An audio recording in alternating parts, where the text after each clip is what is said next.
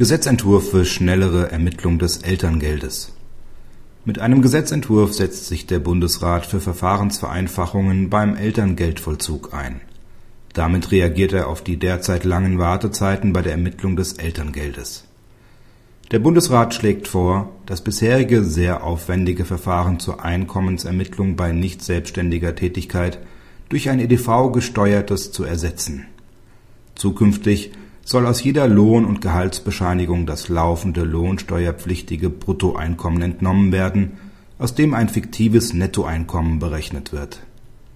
Dabei stützt sich die fiktive Nettoberechnung auf die konkrete Steuerformel und auf Pauschalen bei der Sozialversicherung.